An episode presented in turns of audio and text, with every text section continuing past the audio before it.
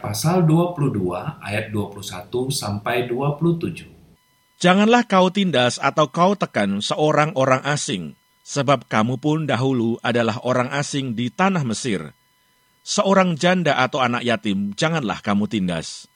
Jika engkau memang menindas mereka ini, tentulah aku akan mendengarkan seruan mereka jika mereka berseru-seru kepadaku dengan nyaring.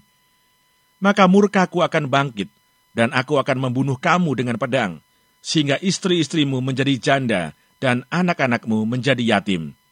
Jika engkau meminjamkan uang kepada salah seorang dari umatku, orang yang miskin di antara kamu, maka janganlah engkau berlaku sebagai seorang penagih hutang terhadap dia.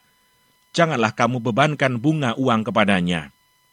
Jika engkau sampai mengambil jubah temanmu sebagai gadai, maka haruslah engkau mengembalikannya kepadanya sebelum matahari terbenam, sebab hanya itu saja penutup tubuhnya, itulah pemalut kulitnya, pakai apakah ia pergi tidur? Maka apabila ia berseru-seru kepadaku, aku akan mendengarkannya, sebab aku ini pengasih. Sahabat, siapa yang dimaksud dengan orang yang tidak mampu? Mungkin kita bisa kategorikan menjadi dua kelompok. Yang pertama adalah mereka yang tidak memiliki kemampuan untuk mencari makanannya sendiri karena keterbatasan badan.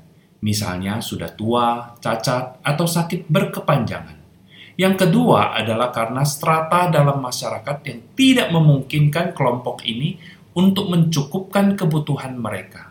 Misalnya, janda dan anak yatim atau yatim piatu.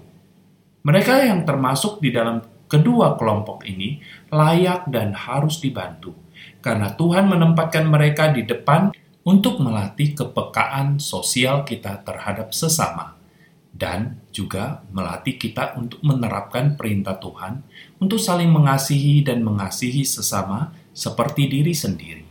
Sahabat, satu hal yang perlu kita ingat bahwa setiap berkat yang Tuhan berikan kepada kita, di dalamnya ada bagian orang lain yang Tuhan titipkan untuk memberikannya kepada mereka yang memerlukan.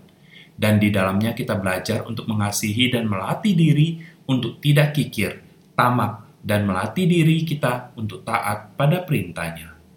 Amin.